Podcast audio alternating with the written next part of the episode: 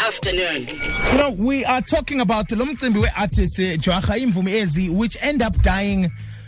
Uh, you know, uh, broke and and very much, uh, uh you know, it is not glamorous the way they go out. Yet Tina Sakula, Sibabugele, and we learned life through their music or through the, the, their actions and their act. Now, what what what what is it?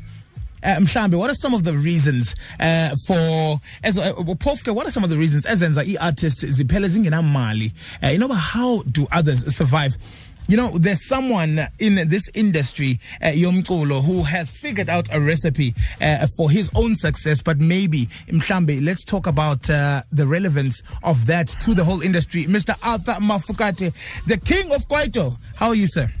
I'm fine, and you? Uh, great, thank you. Welcome to True FM. Um, Arthur, what uh, what causes artists to end up uh, being broke? Uh, the main thing would be discipline, mm. because when we talk discipline, it goes a long way. You know, sometimes uh, it might be uh, how you mishandled your funds. Mm Sometimes it might be that you never even had the money, which then we would call it exploitation. Yes. Yes. And I mean, what what what is essential then in ensuring uh, your sustainability as an artist in the music industry? And maybe what are some of the pointers that uh, you can share uh, with those who are listening now, who are maybe making their way into the industry and might need some of that advice?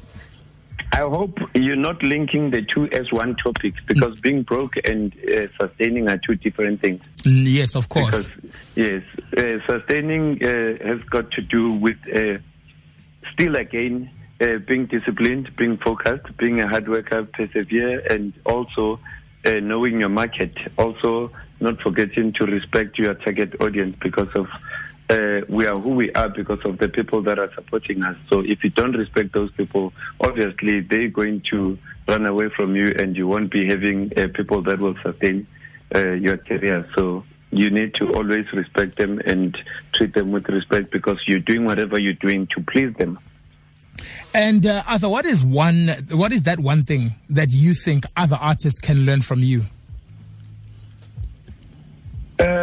Being grounded, staying grounded, being disciplined, be a hard worker, and not to be faced by uh, criticism because criticism will always be there, more especially once you start making it. People love you when you're nothing, but once you become some brand of some sort, that's when hatred comes in because everybody wants to take credit that I made him, I made her. So that's when people start saying, but why is she acknowledging, why is he acknowledging so and so and not acknowledging my acknowledging me. And that's when hatred comes because everybody wants to be seen as people that have contributed to your career. Sure. Hence, it was difficult for me to even make a statement mentioning names because had I mentioned one name and forgotten about the other person, it would have been a problem. So it was just better to just say all the stakeholders. And those that know that they contributed will know that he's talking about me. But if you were to mention and say True FM, and not mention the other station, mm. then it becomes a problem because of you think I intentionally did it. Mm. Whereas it was just because of I was overrode by the occasion. Wow. Now, uh, before I let you go, what is your message to the young artist uh, trying to make it in this industry? They should be disciplined, work hard, and uh, research. There's one thing that people forget to do in this industry research, research, research, and also respect. Research goes with respect because the outcome of that research needs to be respected. Because if you are going to argue with it, then it will still prove you wrong. So go out there and research and know your market and don't try to be everything to everyone. The king of Kwaito, Arthur Mafokate. Thank you so much, Mr. Triple Nine, for giving us uh, some of your advice and some of your time, sir. Thank you. True afternoon, Monday to Friday, 3 to 6 p.m.